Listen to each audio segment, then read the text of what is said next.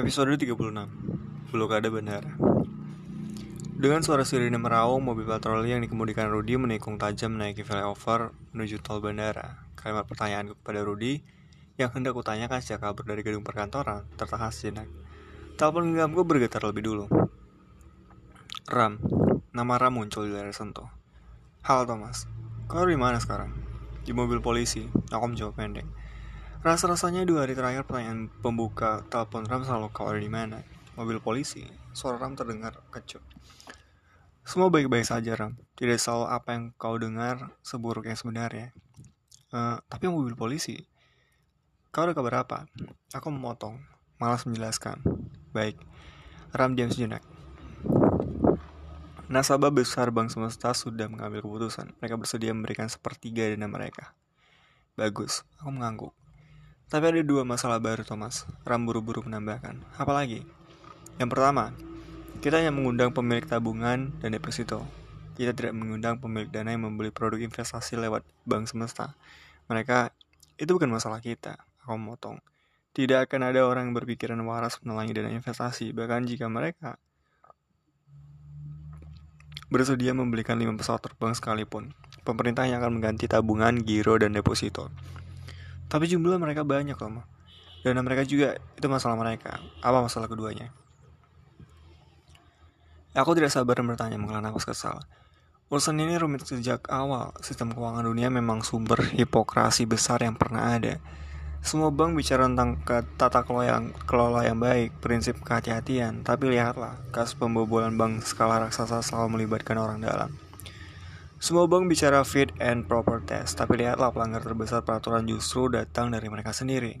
Konvensi internasional misalnya, dengan jelas melarang perbankan melakukan bisnis di luar fokus bisnis perbankan, tapi sekarang hampir semua bank besar berkembang biak menjadi konglomerat, memiliki anak perusahaan asuransi, pembiayaan, sekretaris, dan berbagai jasa keuangan lainnya. Kalian datang ke kantor-kantor cabang mereka dengan agresif menjual produk investasi seperti reksadana, investasi saham dengan risiko tinggi yang jelas-jelas bukan produk perbankan. Esok lusa, jangan-jangan staf mereka yang cantik dan wangi juga akan menjual parfum, minuman dingin, celana dalam dan sebagainya, atau membuka garasi gerai butik persis di sebelah teller. Konvensi internasional misalnya lagi dengan jelas memutar, mengatur ketat tentang know your customer. Itu bakal menjadi dogma besar ketahui siapa nasabah Anda. Tetapi lihatlah divisi private banking, wealth management, atau entah apa lagi yang mereka menyebutnya itu rakus per, rakus mencari nasabah. Tutup mata kalau nasabah mereka adalah koruptor, pengemplang pajak, pebisnis kotor, mencuci uang lewat sistem perbankan. Yang penting target tahunan tembus, bonus melimpah, tidak masalah mengirim staff dengan dana lebih mirip wanita penggoda dibanding profesional perbankan bersertifikat. Sekarang Ram nelponku memberitahu tentang pemilik produk dana investasi Bank Semesta. Aku tahu datanya ada dalam salah satu laporan yang disiapkan Maggie. Nasabah jenis ini seharusnya tahu persis dana mereka adalah produk investasi dan persis seperti kalian berinvestasi atas satu, resiko kehilangan selalu ada. Seharusnya Om Lim dan stafnya menjelaskan masalah ini saat nasabah tersebut menyetor uang, tapi apa pula yang diharapkan? Om Lim sendiri dengan ambisi besarnya boleh jadi yang memerintahkan menutupi bank informasi. Apa masalah keduanya, Ram? Aku menyerga. Ram sepertinya terdiam terlalu lama. Mereka meminta jaminan, Tom. Mereka siapa? Jaminan apa? Um, nasabah tabungan dan deposito yang baru saja memutuskan memberikan sepertiga uangnya, meminta jaminan tertulis. Itu masalah keduanya. Hanya itu. Mudah saja, tinggal kau buat, kau buat selembar surat jaminan kau tanda tangan mereka meminta Om Lim yang menandatangani. Tidak bisa, Ram. Om Lim tidak bisa dihubungi siapa pun hingga semua selesai. Mereka memaksa. Astaga, kau cari tahu sendiri cara mengurus mereka, Ram. Kau salah satu direktur bank semesta, bukan? Bilang kau diberikan kuasa tanda tangan, bilang kau pengganti presiden. Apa pun itu. Baik, akan kuusahakan. Ram menghela nafas. Telepon aku jika ada kabar baik lagi. Aku berusaha menutup telepon. Satu lagi, Tom. Kau sungguh tidak akan memberitahu aku di mana Om Lim. Tidak, baiklah, bilang pada Om Lim tante baik-baik saja. Dia siang ini tiga, tiga kali menyuruh staf di rumah bertanya tentang Om Lim dan dirimu. Akan kusampaikan. Selamat siang, Ram. Aku menutup telepon, aku mengempaskan punggung ke jok mobil. Sibuk, ha?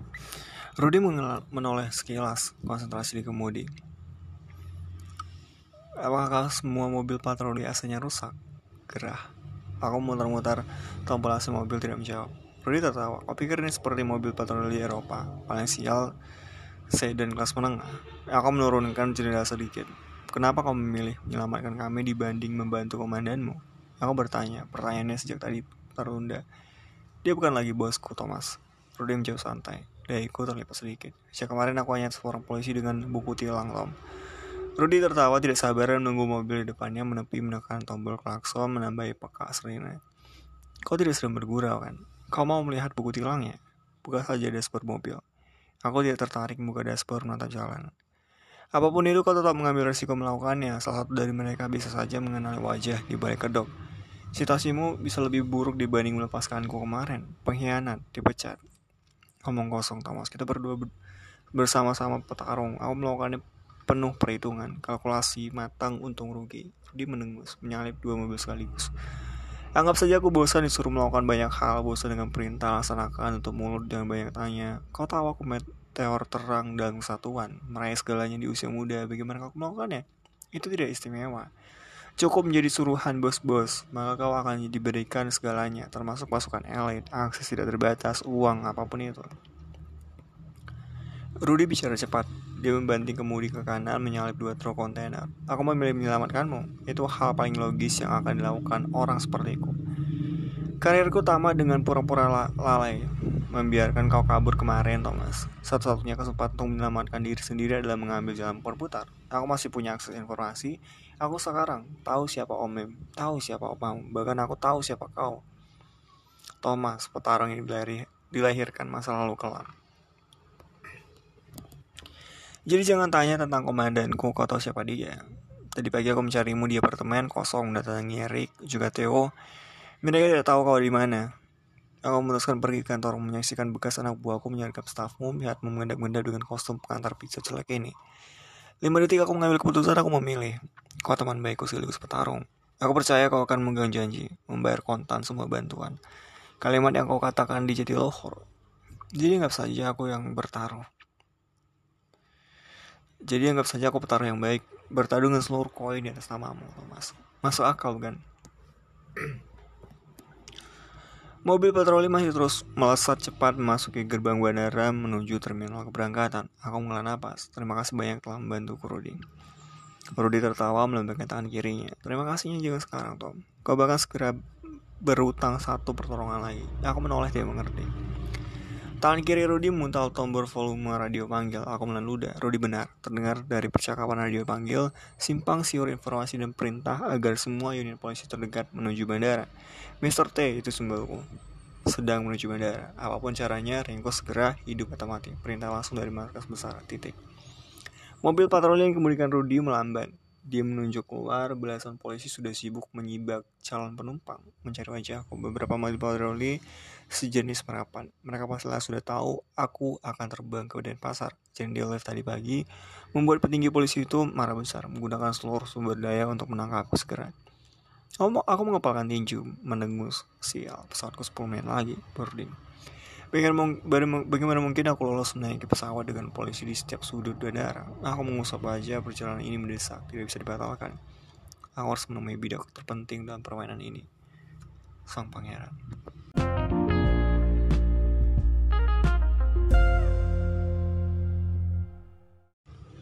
Episode 37 Kaum pelasa tahanan Kau sudah gila, Rudy. Aku berbisik dengan suara setengah tiang, menatapnya tidak percaya. Rudy nyeringai. Tenang saja Tom. Ini hanya strategi biasa seorang petinju. Pura-pura memberikan bagian tubuhnya yang paling lemah untuk dipukul agar lawan justru tidak memukulnya. Kita tidak sedang bertinju, Rudy. Tidak ada wasit yang adil dalam pertarungan ini. Bukan kau sendiri yang bilang di lift. Mereka tidak keseng tidak segan membunuh. Aku berusaha menurunkan intonasi sebal serendah mungkin. Bagaimana aku tidak sebal? Dalam situasi seperti ini, Rudy justru sengaja parkir mobil patrolinya persis di kerumunan polisi dan beberapa mobil lain. Kau tunggu di sini, Tom. Lima menit aku pasti kembali. Rudy tidak mendengarkan protesku tertawa, dan kau jangan terlalu menarik perhatian dari luar. Meski tidak akan ada yang memeriksa sesama mobil patroli, tingkah berlebihan dapat membuat mereka tertarik mengintip ke dalam. Rudy membuka pintu, santai melangkah turun. Aku mengumpat bergegas menurunkan posisi duduk, berusaha tidak terlalu terlihat. Rudy sudah asing menyapa teman-temannya, satu dua anggota yang menalinya, boleh jadi bekas anak buah, memberi salot dengan anggukan. Rudy membahas dengan anggukan pelan, bilang entahlah satu dua kalimat. Lantas melangkah cepat menuju mobil berangkatan kedua tangan di saku jaket. Aku menghela napas menarik jam di dashboard mobil. Aku tidak suka situasi seperti ini. Ketika tidak ada yang bisa dilakukan selain menunggu, menunggu, dan menunggu. Sejak kejadian menyakitkan masa lalu itu, aku selalu mengambil keputusan, tindakan, aksi, intervensi, apa pun namanya, untuk menentukan takdirku sendiri. Tidak ada rumus, biarkan mengalir apa adanya, apalagi tergantung pada takdir orang lain. Menyerahkan nasib pada orang lain. Aku tidak mau seperti itu. Tiga menit berlalu, Rodi belum kembali. Aku menyeka keringat pelipis menatap lobi keberangkatan dari balik jendela gelap. Beberapa mobil polisi lain tiba merapat cepat dua tiga polisi berlompatan. Panggilan darurat ke seluruh unit petugas itu sepertinya efektif. Semua petugas menjawab, lobi keberangkatan semakin ramai. Aku mengeluh, jika situasinya sudah seperti ini, bagaimana Rudy akan meloloskanku dari mereka? Dia tidak akan berpikir memberikan seragam pilot kepada aku, bukan? lantas menyuruh belasan pramugari mengawal. Itu hanya ada dalam cerita film lawas, waktu kami hanya 10 menit. Tidak mudah menyiapkan rencana serumit itu. Rudy bukan pesulap, ke mana dia akan mencari seragam pilot, tukang jahit maskapai, apalagi belasan pramugari pun tidak mudah disuruh menjadi pagar dayung. Atau Rudy menyuruhku memakai seragam polisi berpura-pura atau menggel aku menggeleng. Itu juga bukan pilihan yang baik. Aku harus menaik ke pesawat, tidak akan ada polisi yang terlalu bodoh melihatku dengan seragam duduk rapi di pesawat menuju Bali. Itu amat mencolok perhatian. Dia kan tertarik menyapa, meriksa, bahkan kalian tidak pernah melihat polisi berseragam lengkap di pesawat, bukan? Aku tegang. Mengepalkan tangan sudah 6 menit berlalu. Ke mana saja Rudy pergi? Pertemuan ini harus terjadi. Hanya itu satu-satunya cara memastikan rapat komite nanti malam berjalan sesuai yang kuinginkan. Bagaimana kalau Rudy justru sedang merencanakan sesuatu menyerahkanku pada atasannya Dia jelas-jelas sudah mengetahui lokasi Opa, Om Lim, dan yang lainnya. Menukar nasi buruknya dengan tangkapan besar. Boleh jadi memperoleh kenaikan pangkat. Aku segera mengutuk pikiran jari itu terlintas kepala aku. Tidak, Rudy lebih memilih berkelahi hingga mati melawan puluhan polisi di bandara daripada melawan itu. Aku mendesa gemas. Atau jangan-jangan Rudy menyuruhku masuk ke koper bagasi. Pura-pura mengantar pizza ke pesawat delivery service Aku menyuka lagi pelipis dalam situasi menunggu, tegang. Jangankan untuk orang-orang yang malas berpikir untuk orang seperti aku, tak saja berpikiran alternatif kocak dan tidak masuk akal. Aku menarik dashboard mobil, hampir berseru tertahan. Sialan, habis sudah waktuku 10 menit berlalu sia-sia. Pintu boarding pasti telah ditutup. Aku kesal hendak memukul dashboard kencang-kencang. Seharusnya aku tidak mempercayakan takdir perjalananku ke Bali pada Rudy dia memang teman yang baik bisa dipercaya tapi mengurus hal ini tidak ada yang bisa dipercaya selain diri sendiri seharusnya aku tidak Urung gerakan tanganku tertahan Rudy entah kapan datangnya sudah membuka pintu mobil. Kau tidak tegang sekali Thomas. Rudy tertawa santai menjengkelkan. Astaga bagaimana mungkin aku tidak tegang. Pakai ini Thomas. Rudy melemparkan sesuatu. Ini apa? Aku menatap rendah mantel panjang dengan tutup kepala yang mendarat di pangkuanku. Aku disuruh menyamar. Jadi siapa pula dengan mantel besar dan kumuh? Penyihir, gelandangan. Pakai saja Thomas. Tutupi seluruh seragam pizzamu dengan mantel itu. Juga tutupi mukamu dengan kacamata hitam besar ini. Rudy menyengir melemparkan lagi barang kedua. Aku menggeleng perlahan sepertinya bukan pilihan yang baik. Menyamar dengan seragam pilot jauh lebih masuk akal. Setidaknya lebih keren. Dengarkan aku Thomas. Kepala Rudy menyeruak ke dalam mobil, mata tajam. Waktu kita terbatas, akan kujelaskan dengan cepat. Kau pasti saja urusan statistik, bukan? Tentu saja kau ahlinya berhitung dan angka-angka. Nah, setiap hari setidaknya ada seribu tindakan kriminal di seluruh negeri. Mulai dari mencuri, pemukulan, perampokan, perkosaan, dan belasan jenis kejahatan jalanan lainnya. Atas kejadian itu, maka setiap hari setidaknya ada ratusan penjahat yang ditangkap. Sebagian besar ditangkap dekat dari kejadian perkara, sebagian lainnya di luar kota, di luar pulau, atau di luar negeri sana, terlanjur kabur. Nah, kau mau tahu ada beberapa ada berapa penjahat yang setiap hari harus dibawa pulang dari kota ini? Pulau lain. Ada berapa penjahat yang terpaksa berlalang menumpang angkutan umum saat dipindahkan? Aku melalui dah, mendebak arah penjelasan Rudy. Banyak. Kalian para penumpang sipil tidak pernah memperhatikan. Bisa saja saat kalian terbang tertawa-tertawa di kabin depan bersama teman, pelesir beserta keluarga ternyata persis di bagian paling belakang pesawat ada pelaku kejahatan pembunuhan, residivis pemerkosa atau perampok besar sedang dipindahkan dari satu kota ke kota lain. Tidak tahu bukan, karena kami selalu memindahkan penjahat tanpa menarik perhatian siapa pun. Tidak ubahnya seperti penumpang kebanyakan, kalian tidak akan pernah melihat borgol, pentungan, pistol, bagaimanapun akan bagaimana akan lihat. Penumpang sipil jelas akan menolak naik pesawat jika tahu ada seorang pedofil atau pembunuh kelas berat menumpang bersama mereka. Paham? Segera pakai mantel kumuh dan kacamata itu, Thomas. Dan ini juga. Rudy menempelkan Bolgor.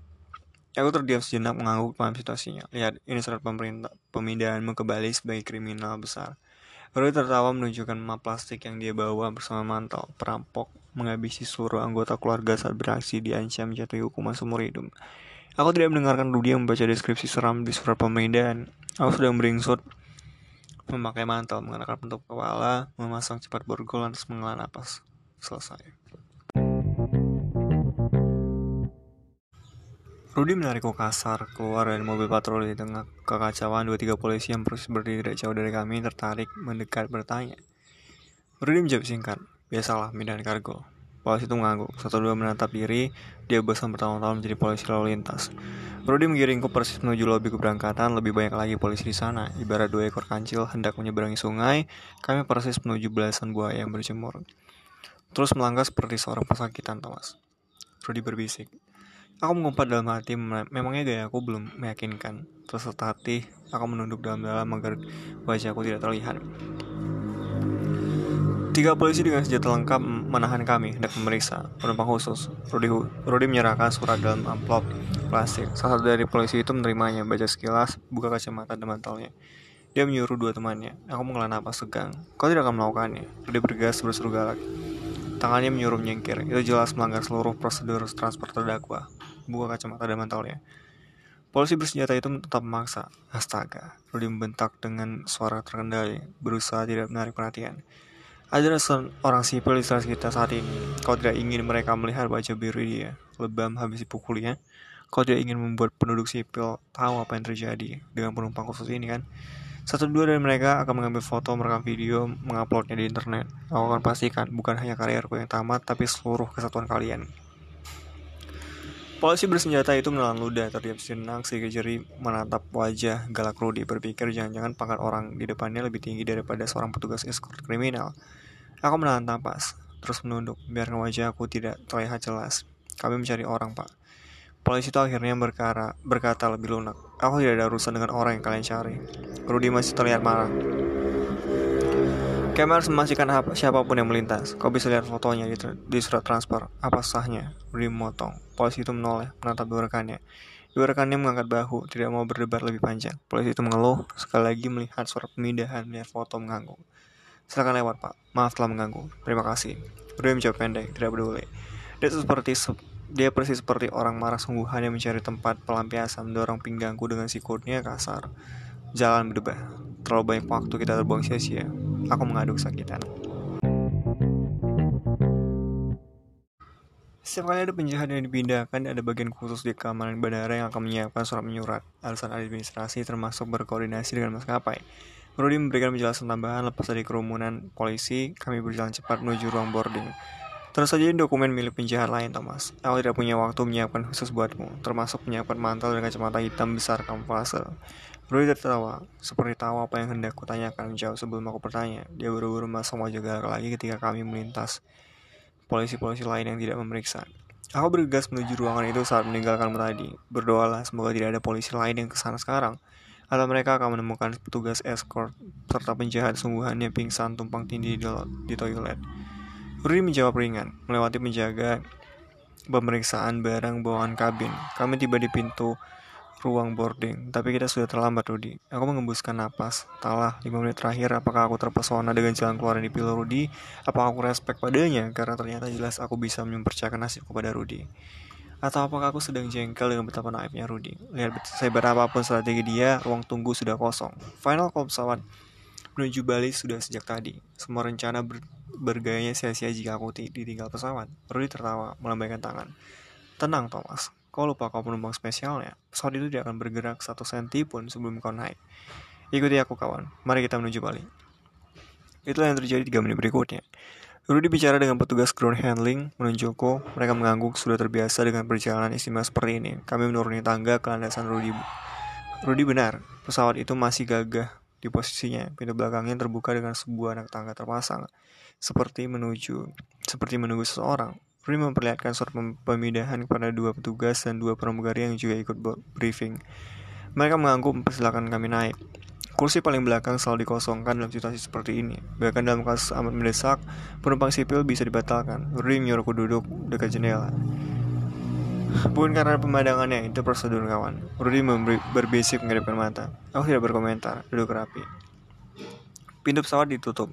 Pramugari kembali di posisinya masing-masing seolah-olah tidak terjadi apa-apa. Pilot menyerukan persiapan take off. Barang pesawat akhirnya beringsut menuju landasan pacu. Tidak ada satupun yang penumpang yang curiga keterlambatan 10 menit terakhir karena petugas sedang menaikkan penjahat ke atas pesawat. Tidak ada.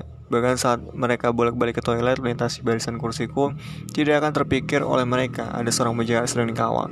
Duduk di sana. Atau boleh jadi mulai sekarang saat kalian naik pesawat, kalian akan bertanya-tanya, melirik-lirik jangan-jangan di sana, di kursi paling belakang, sedang duduk orang seorang kriminal. Dan itu jelas bukan aku.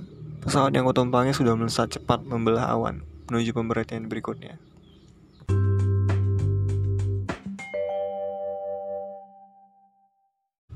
Episode 38 Penyergapan bandara Maju cepat-cepat Kemarin pasukan khusus anti teroris itu bersergalak 45 tidak sedikit itu Ada belasan anak buahnya berderak melintasi lobi kedatangan bandara internasional Ngurah Rai dan Pasar Mereka berpakaian tempur lengkap, rompi anti peluru, helm tertutup dan senjata otomatis di tangan. Tatapan mereka tajam, gerakan mereka sigap dan tangkas membuat penumpang buru-buru loncat menyingkir. What's going on, ma'am? Salah satu bocah bule bertanya sambil menggenggam tangan ibunya. Menatap gentar rombongan yang baru datang, bisik-bisik cemas mengambang cepat di langit-langit ruangan. Step aside, kid. Step aside. Lebih dulu jawaban itu yang keluar dari sang komandan, membentak menyuruh menyingkir ke kerumunan turis yang belum sadar benar apa yang sedang terjadi. Mam, bocah bule itu berseru ketakutan, mencengkram lengan ibunya. Please, take your child out, madam. Now, Tetap menggalak, intonasi suara lebih pelan tapi terdengar jelas tidak bisa ditawar. Ada apa? Ada yang bisa kami bantu. Tergopo-gopo dua petugas keamanan bandara mendekat. Setelah lebih banyak bingung melihat keributan situasi darurat bandara kami ambil alih selama setengah jam. Situasi darurat. Petugas keamanan bandara menelan ludah. Kalian akan membantu jika tidak banyak bertanya. Duduk rapi menonton. Paham? Suara komandan terdengar amat mengendalikan, mengatasi teriakan-teriakan ketakutan penumpang di ruangan besar yang satu dua berbisik jangan-jangan ada ancaman bom. Hah? Dua petugas keamanan saling lirik, berhitung dengan situasi. Alpha 2, Tango 9. Pimpin yang lain kosongkan seluruh lobi kedatangan. Segera, saya ingin semua lokasi steril dalam waktu 5 menit. Komandan pasukan menoleh ke belakang astaga. Mengapa kalian tetap berdiri di sini? Hah? Bengong. Segera menyingkir dari sini, teriakannya membentak petugas keamanan bandara tersebut. Anggota pasukan khusus menjalankan perintah sang komandan. Cepat sekali mereka mengambil alih situasi. Membuat wajah terperangkap petugas keamanan bandara seperti ekspresi pramuka siaga hanya bisa menonton tanpa bicara apa pun. 5 menit yang taktis lebih kedatangan yang sudah bersih dari ratusan penumpang dan penjemput. Semua pintu dijaga pasukan bersenjata. Mereka menjaga siapa pun yang mendekat. Lenggang. Hanya suara desis pendingin udara terdengar. Berapa menit lagi pesawat itu akan mendarat. Komandan melihat pergelangan tangan. 5 menit, komandan. Satu anak buah menjawab semua runway bersih. Positif komandan. Izin mendarat prioritas sudah diberikan menara pengawas. Tidak ada pesawat yang boleh take off atau mendarat setengah jam ke depan selain pesawat target. Koridor depan, situasi, komandan menoleh ke arah lain. Terkendali komandan. Anak buah yang lain menjawab tercengang. Menjawab kencang. Pintu-pintu keluar aman, komandan. Bahkan pintu toilet sudah disegel. Tidak ada seekor kokek pun yang bisa kabur melintasinya tanpa diketahui. Komandan pasukan melotot, tapi dalam situasi seperti ini tidak ada yang berniat menertawakan jawaban selugas polos itu. Wajah-wajah tegang, jari telunjuk bersiap di pelatuk kapan saja jika perlu peluru dimuntahkan. Baik, enam orang ikuti aku. Kita akan menjemput langsung tersangka turun dari pesawatnya. Tidak kesempatan baginya untuk lolos, yang lain tetap di posisinya. Berhati-hati bersiap, informasi di Jakarta mereka amat licin, berbahaya, bersenjata, dan tidak sungkan membunuh. Kita mendapatkan izin bunuh di tempat jika melawan. Mengerti? Mengerti, Komandan. Maju. Cepat-cepat. Komandan sudah balik kanan, berlari kecil menuju pintu kedatangan. Separuh anggota pasukan khusus itu melesat menyusul. Gigi mereka bergemutukan. Langkah sepatu menginjak lantai ruangan terdengar bergema. Atmosfer tempur membuat ruangan dingin terasa pengap. Ini situasi awas. Sudah lama sekali mereka tidak beraksi serius ini sejak bom Bali terakhir. Pada baru setengah jam lalu, kawat perintah itu datang dari markas besar. Perintah menangkap salah satu buronan penting yang melarikan diri ke Denpasar. Tangkap hidup atau mati. Apa yang sedang kau kerjakan, Tommy? Membaca. Membaca? Membaca apa? Buku cerita. Aku menjawab pendek, tanpa tanpa mengangkat wajah dari halaman buku. Opa tertawa pelan, beranjak duduk di pinggir ranjang di sebelahku. Gerimis membungkus waduk terlihat dari jendela yang berembun. Udara terasa sejuk, menyenangkan. Ini jadwal kunjunganku yang kesekian ke rumah peristirahatan Opa. Seharusnya aku belajar mengemudi boot sesuai janji Opa, tapi karena hujan turun, sengotot apa pun aku memaksa Opa tetap membatalkan jadwal, apalagi Tante Lim juga ikut berkunjung. Dia tadi yang paling kencang berteriak melarangku, walau sudah menyangkut urusanku, Tante selalu saja paling cemas. Kau berbeda dengan pamanmu, papamu.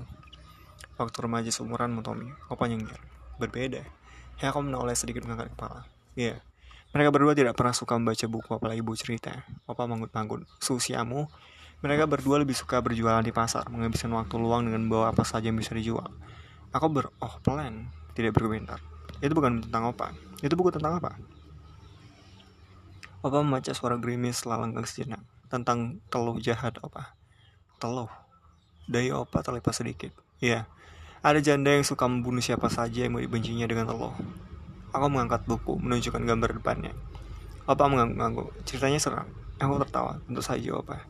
Usiaku waktu itu baru saja genap 16. Aku sebenarnya tidak suka baca buku itu. Aku cuma saja dari barak perpustakaan sekolah, masukkan ke ransel sebagai bahan bacaan selama liburan kalau aku lagi bosan. Apalagi selama ini aku selalu senang menghabiskan waktu di rumah peristirahatan Opa. Aku tidak pernah merasa perlu menyentuh buku-buku itu, kecuali sore ini. Sepertinya tidak ada ide yang lebih baik menghabiskan waktu menunggu hujan reda selain baca buku horor. Seberapa seram? Opa bertanya lagi. Seram sekali, Opa seperti sungguhan. Aku tertawa lagi. Ah, tapi tidak akan ada yang lebih seram dibandingkan pengalaman Opa sewaktu muda. Opa melambaikan tangan masang wajah santai menoleh menatap waduk dari jendela kusam. Aku balas, aku balas menatap Opa, lepas sejenak buku di tanganku. Sayang kau tidak akan berani mendengarnya, Tommy. Opa terkekeh melirikku. Bisa-bisa kau minta tidur di kamar Opa malam ini. Enak saja. Aku menatap Opa kesal. Kalau Opa sengaja mancingku agar penasaran dengan ceritanya, dia berhasil. Tapi kalau dia bilang aku akan setakut itu mendengar ceritanya, dia tidak akan berhasil. Aku bukan kecil yang gampang takut-takuti. Kau mau mendengarnya? Apa menggoda? Paling juga hanya cerita itu, itu saja. Lebih seru bukuku. Aku pura-pura tidak tertarik. Kembali menatap halaman buku di tangan. Sudah kebiasaan Opa menipuku dengan prolog cerita berbeda. Padahal isinya sama saja seperti kaset rusak yang diputar berkali-kali. Tentang masa mudanya, naik perahu nelayan bocor, pergi meninggalkan Cina daratan, terdampar di tanah Jawa, dan seterusnya, dan seterusnya. Opa menyengir, menggilang Taksim. Ini tidak sama, Tommy. Opa bahkan belum pernah menceritakannya pada siapa pun, termasuk pada papa dan omamu, dan ommu. Nah, kau mau mendengarnya, atau tidak, Tommy? Hitung-hitung sebagai pengganti jadwal belajar boot yang batal. Aku sudah melempar buku di tanganku, tentu saja aku mau. Di usia aku yang masih remaja, segala cerita masih muda, masa muda opa, terdengar sungguhan dan hebat meski entahlah dia mengarang atau betulan. Semua siaga di posisi, komandan pasukan berteriak mengangkat tangannya. Siap komandan, steady. Pesawat yang mereka tunggu beberapa detik lalu sudah mendarat halus di runway, soft landing. Nama anggota pasukan khusus itu tidak mempedulikan suara mesin, baling-baling pesawat yang memekakan telinga. Mata mereka melotot tajam ke depan, tegang perhatikan target mereka. Soal itu mulai melaju lambat di runway sepanjang 2.500 meter. Pilotnya merem sesuai prosedur. Pesawat pantas, pesawat lantas berputar anggun di ujung lintasan 1000 meter di kejauhan sana lebih pelan daripada biasanya. Terlihat agak samar dari posisi pasukan khusus di antara mobil-mobil pengait pembawa bagasi. Kemudian pesawat berbalik arah menuju bangunan bandara. Siap parkir tempat yang disiapkan. Bedanya kali ini bukan petugas ground handling yang memberikan aba-aba dengan bendera. Melainkan salah satu pasukan bersenjata. Pesawat semakin dekat. Terlihat semakin besar dan gagah. Dengus napas enam anggota pasukan khusus semakin kencang. Mereka sejak tadi bersiap dengan cita siapa pun. termasuk baku tembak di pelataran parkir bandara. Roda pesawat mendecir pelan. Beberapa detik di bawah suara mesin dan baling-baling yang masih membukakan telinga, pesawat berhenti sempurna di tempat. Salah satu petugas bergegas mendorong tangga ke badan pesawat. Pintu pesawat terdengar mulai dibuka dari dalam. Gitu posisi tangga menempel ke badan pesawat, kemudian pasukan dengan pistol racun gesit naik melangkai sekaligus dua anak tangga. Disusul dua anggota pasukan khusus dengan anggota dengan senjata otomatis. Tensi situasi meningkat dengan tajam, tidak boleh gagal. Komandan pasukan khusus mendesis. Dia ingat sekali setengah jam lalu, X2 menelponnya langsung dari markas besar Jakarta. Kali ini siapa pun yang mengacaukan penyergapan buat target buruan kembali lolos, maka terima saja akibatnya. Itu perintah sekaligus ancaman, tidak boleh gagal. Dia sendiri yang akan meringkus target. Komandan pasukan khusus anti teroris menarik napas dalam-dalam untuk terakhir kalinya. Bersiap. Pintu pesawat terbuka perlahan-lahan. Dua pramugari langsung terlihat. Beberapa penumpang berdiri dengan tas bersiap turun. Semua kembali duduk. Tidak boleh ada yang turun. Pesawat kami ambil alih, semua harap kembali duduk. Teriakan kencang itu membuat semua gerakan di dalam pesawat terhenti. Detik-detik penangkapan telah tiba.